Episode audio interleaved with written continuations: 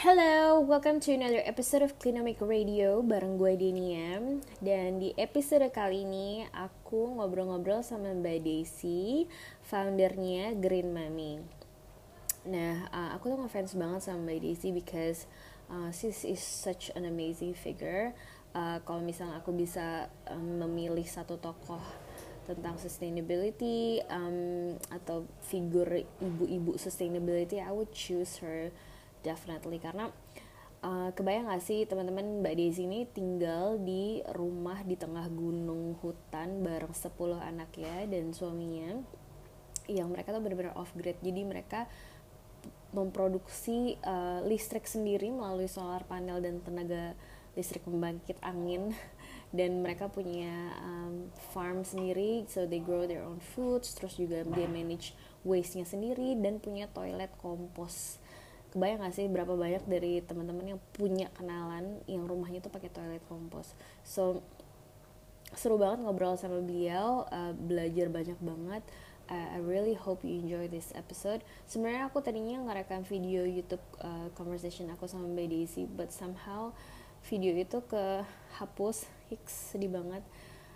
But oh well um, this will do. We're not perfect so but nevertheless I hope you would still enjoy this episode karena I really did. I really had a great conversation with her.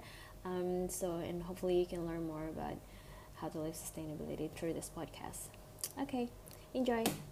Hai Mbak Desi, thank you so much for joining this podcast. Aku senang banget bisa berkesempatan ngobrol sama Mbak Desi langsung karena um, terus terang Mbak Desi aku tuh mulai Klinomik tuh as your reseller as Green Mommy shop reseller. So really excited to to have you here. Mbak Desi um, di podcast episode kali ini di Klinomik um, aku pengen ngajak uh, audiens aku untuk kenal lebih lanjut sama Mbak Desi. Dan ada beberapa hal yang aku pengen bahas nih sama Mbak Desi karena Mbak Desi punya project yang keren banget nih upcoming kan ya Mbak ya? Iya, iya. boleh oke mungkin sebelumnya perkenalan dulu kali ya. Boleh diceritain gak sih mbak Desi ini siapa? Tinggalnya di mana? Like apa sih keseharian mbak Desi? Oke, kenalan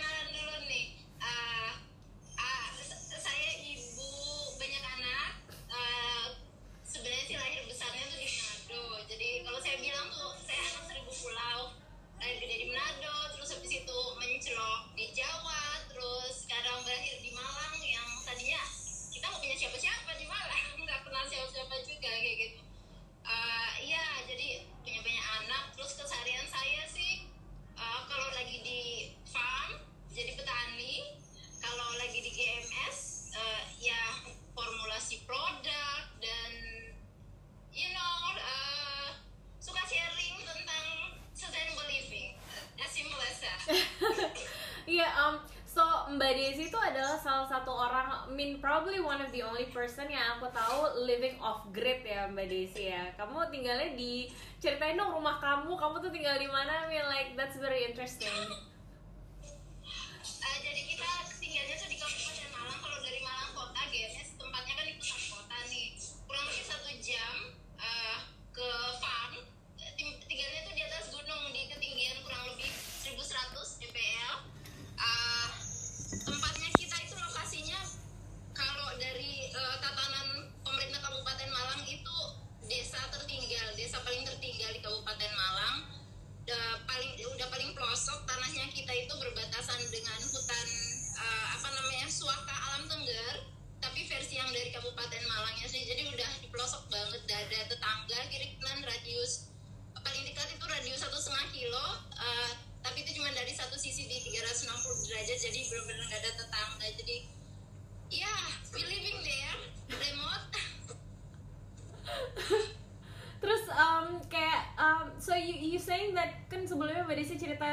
Off grid terus habis itu tinggal benar-benar di hutan. So itu kamu kan ceritanya kayak nanam makanan sendiri, kayak kalian punya perkebunan sendiri gitu kan, Mbak? Like I mean you you love to talk about how to live sustainably gitu kayak apa sih feature-feature rumah kamu yang di hutan itu kayak yang yang feature sustainable sustainable-nya?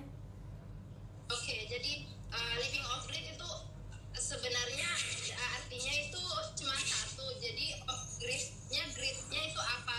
Uh, listrik ya sumber daya energi air kan kayak gitu.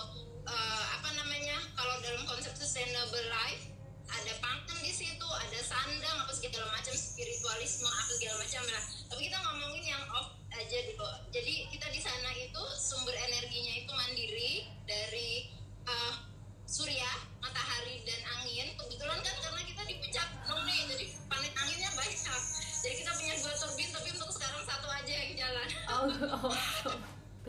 It's up and down, you know, a lot of trial, a lot of money wasted. So yeah, terus uh, apa namanya di sana selain itu juga kita uh, bikin apa air tanda hujan, penyimpanan air tanda hujan karena di mana-mana di gunung itu nggak semua gunung kan ada sumber spring water ya. Uh, jadi kita nggak di sana ada spring sebenarnya punyanya uh, apa namanya penduduk yang di bawah desa-desa di bawah kita. Sebenarnya justru itu ada di dalam hutan di belakang hutan kita, tapi kita nggak volunteer untuk ikutan ngambil dari sana karena the way they harvest the water is not sustainable. Jadi kita nggak mau support praktek itu dan salah satu uh, solusinya kita harus pakai air tanda hujan. Jadi kita bikin uh, puluhan ribu tempat penyimpanan air yang nggak cuma nyimpan air aja tapi airnya itu untuk kebutuhannya itu untuk uh, kebutuhan hidup sehari-hari termasuk untuk pertanian ya untuk bisa uh, growing food. Uh, tapi kolam-kolam itu sendiri kita fungsikan juga untuk aquaponics jadi uh, mengairi tanaman juga. Terus habis itu uh, apa namanya untuk uh, what you call that? Uh, fish farming fish. Mhm. kayak gitu mungkin bukan farm ya maksudnya bukan farming fish like in big scale enggak. Tapi Iya. istilahnya ya, itu buat kasih makan anjing-anjing penjaga kita. Kayak gitu. Jadi uh, ada itu terus kita punya apa namanya uh, toilet toilet di sana itu istilahnya house. Jadi kalau orang zaman dulu kan toilet orang Jawa ya nenek moyang saya kan orang Jawa ya ibu saya orang Jawa juga. Uh, apa namanya? Toilet zaman dulu itu kan di luar rumah ya. Iya. kalau orang Brit memang bilangnya outhouse. Kalau kita nggak tahu ya kita bilang apa ya. Tapi kan biasanya di luar rumah bukan di dalam rumah. Kayak orang rumah modern jadi kita punya outhouse itu yang uh, sistemnya composting toilet. Jadi uh, apa namanya? Itu dikomposkan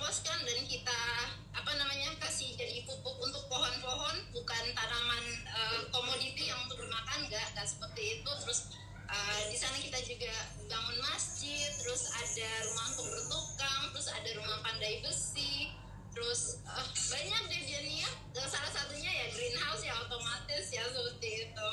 Ah keren Iya. banget. Dan um, apa namanya Mbak Desi itu udah sekal, se- maksudnya tinggal di rumah yang di uh, agak jauh dari kota tapi sekaligus punya bisnis green mami kan Mbak. Maksudnya itu gimana cara ngatur ngatur apa ngatur kegiatannya Mbak. Karena setahu aku yang green mami shop ini di kota kan ya Mbak ya? Maksudnya kayak jadi kayak kolaborasi ke- kegiatan Mbak Desi ini bolak-balik ke rumah terus kalian punya I mean like I think what I have in mind kalau misalnya uh, living sustain apa living over it kayak gitu kan pasti banyak yang dikerjain kan ya Mbak. Tapi di sisi lain Mbak Desi juga punya uh, punya bisnis uh, di kota. Nah itu gimana tuh Mbak biasanya ngatur waktunya? Iya sacrifice dan ya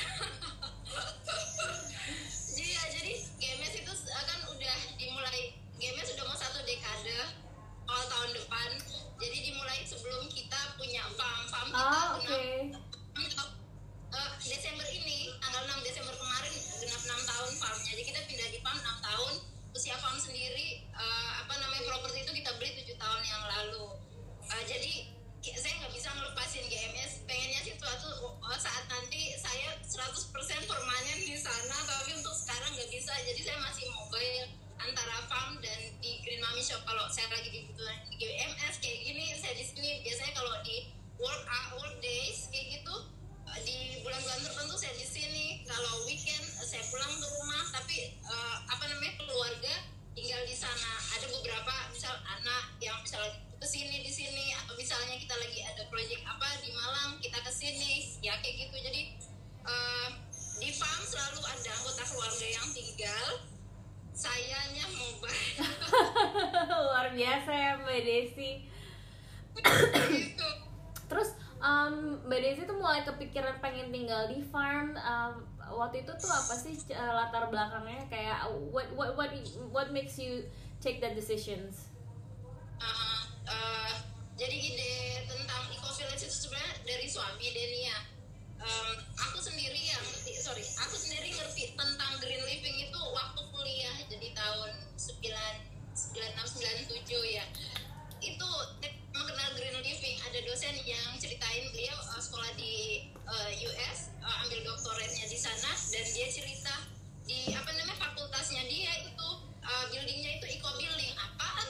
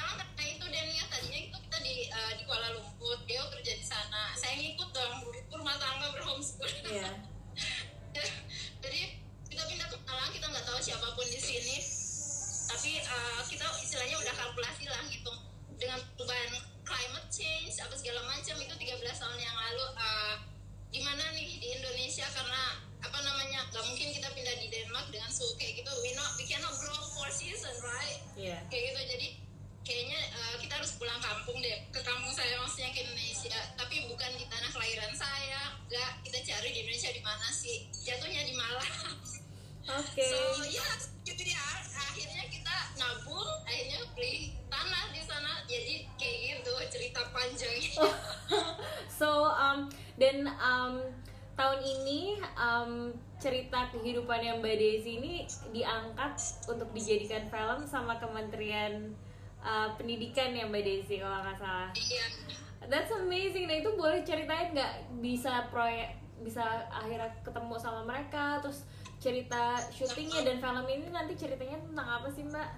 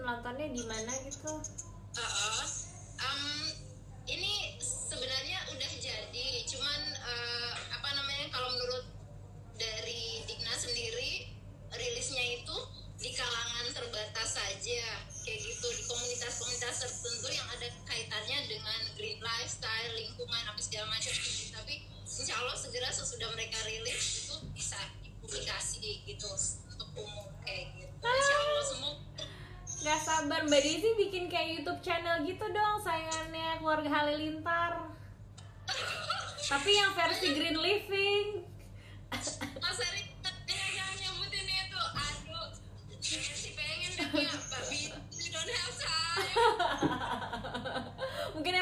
punya kru film sendiri ya. Ini makanya tuh dia ini aja masak aja kejar-kejaran sama postingan Kebayang banget. Terus um, nah selain um, selain project film yang sebentar lagi tayang ini, Mbak Desi kan kemarin juga uh, cerita nih soal project kampung sustainable. Um, Eco Green Village ini tuh boleh diceritain nggak? Ini apa? Ini proyek apa? Proyek baru apa nih Mbak tahun 2020 ini? Eh, jadi sebenarnya ini proyek lama yang dipakein baju baru. Jadi ceritanya gini dan ya eh, kurang lebih mungkin 9 tahunan yang lalu ya 9-10 tahun lalu itu di awal GMS ada itu eh, sebenarnya idenya GMS itu kan bukan produknya tapi ngasih contoh gini loh untuk hidup sustainable itu. Contoh-contohnya di brand kita ada em, apa namanya dulu awalnya tuh saya suka blogging tentang saya blogging mulai dari 2008 ngomongin tentang sustainable lifestyle, raw food atau segala macam yang kita jalani kayak gitu. Terus eh, suami kasih ide, kenapa kamu nggak bikin eh, ini aja apa namanya sharingnya itu istilahnya lebih lebih ngena gitu, ngenanya gimana? Kasih contoh dong yang real, yang orang bisa rasa nyobain secara fisik kayak gitu. Terus beliau kasih contoh, gimana kamu kalau kalau eh, kamu bikin sabun aja kan itu sesuatu yang sederhana banget siapa sih yang nggak pakai sabun kayak gitu ya Terus akhirnya eh, bikin sabun kamu istilahnya eh, bisa bikin satu batch gede untuk keluarga dan untuk sharing ke yang lain. Nah bergulir dari situ eh, apa namanya green mommy shopnya itu. Jadi istilahnya eh, saya ngasih contoh kita sekeluarga itu ngasih contoh dari produk-produk itu. Jadi green living tuh gini loh sustainable living gini loh tapi dari sesuatu yang bisa dicerna kayak gitu. Dan eh, saat itu kita udah planning untuk bikin apa namanya eco farm sustainable livingnya keluarganya Indonesia. Kita miris juga ya maksudnya ngerasain kayaknya kita nggak bisa deh istilahnya pergi ke hutan sendiri gitu aja dan just save for our family and our children and grandchildren. Nggak rela hati Denia untuk uh, uh, selfish being selfish with what we know cannot. Uh, zaman uh, waktu itu ya terus uh, beliau ngasih ide gimana kalau kita bikin uh,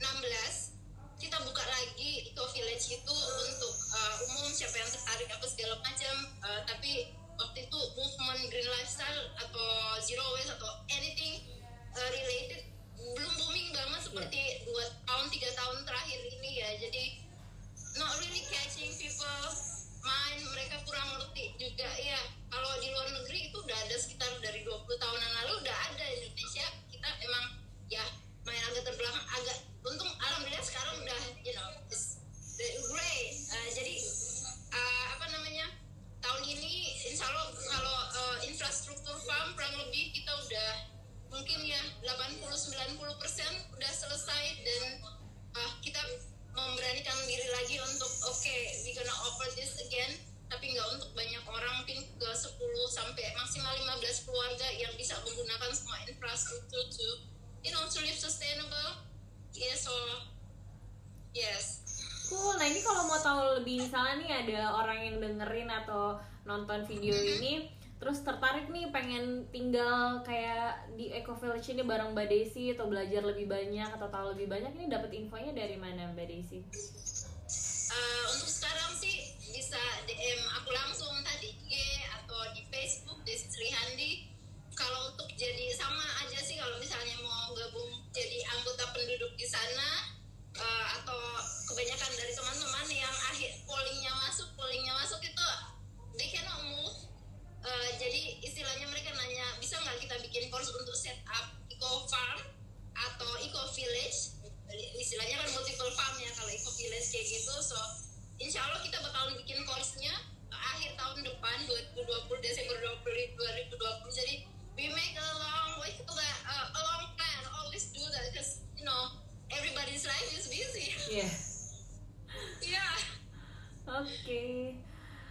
Oke, okay, um, that's very interesting. Nah, Mbak Desi sendiri kan udah lumayan lama banget nih. I think you you, probably um, udah lama banget, udah puluhan tahun dan udah belajar banyak nih tentang uh, living sustainable dan kamu sendiri juga tinggal di rumah yang di tengah hutan um, punya resource energi sendiri semua dan air you know dari semua tadi cerita kamu nah buat um, buat kita kita nih mbak yang masih newbies yang baru pengen belajar kayak do you have any tips for us on how to live sustainably and then where do we start? Uh, uh, it's very simple but sometimes it makes your heart you know feel like discomfort. Uh,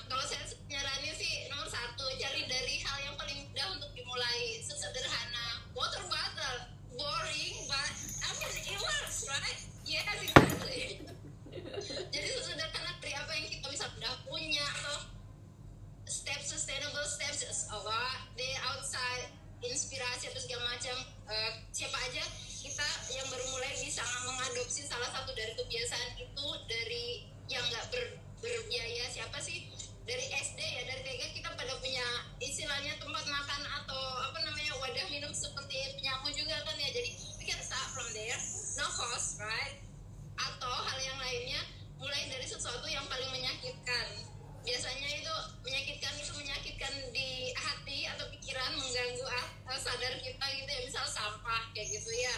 Atau mulai dari sesuatu yang menyakitkan dalam artian mungkin kita punya uh, penyakit uh, penyakit ya secara fisik karena hal yang nggak sustainable tadi mungkin kita uh, sangat sensitif dengan pestisida. Jadi kalau misal makan dengan makanan yang nggak organik mungkin ada yang sakit perut lah apa segala macam kayak gitu-gitu. Jadi ya yeah, you can try both ways. Mulai dari yang paling mudah atau mulai yang paling menyakitkan. Oke okay. thank you so much ya kenapa mbak Desi that will work yes Thank you so much ya Mbak Desi for your time. Ini nggak kerasa udah 20 menit kita ngobrol-ngobrol. so thank you.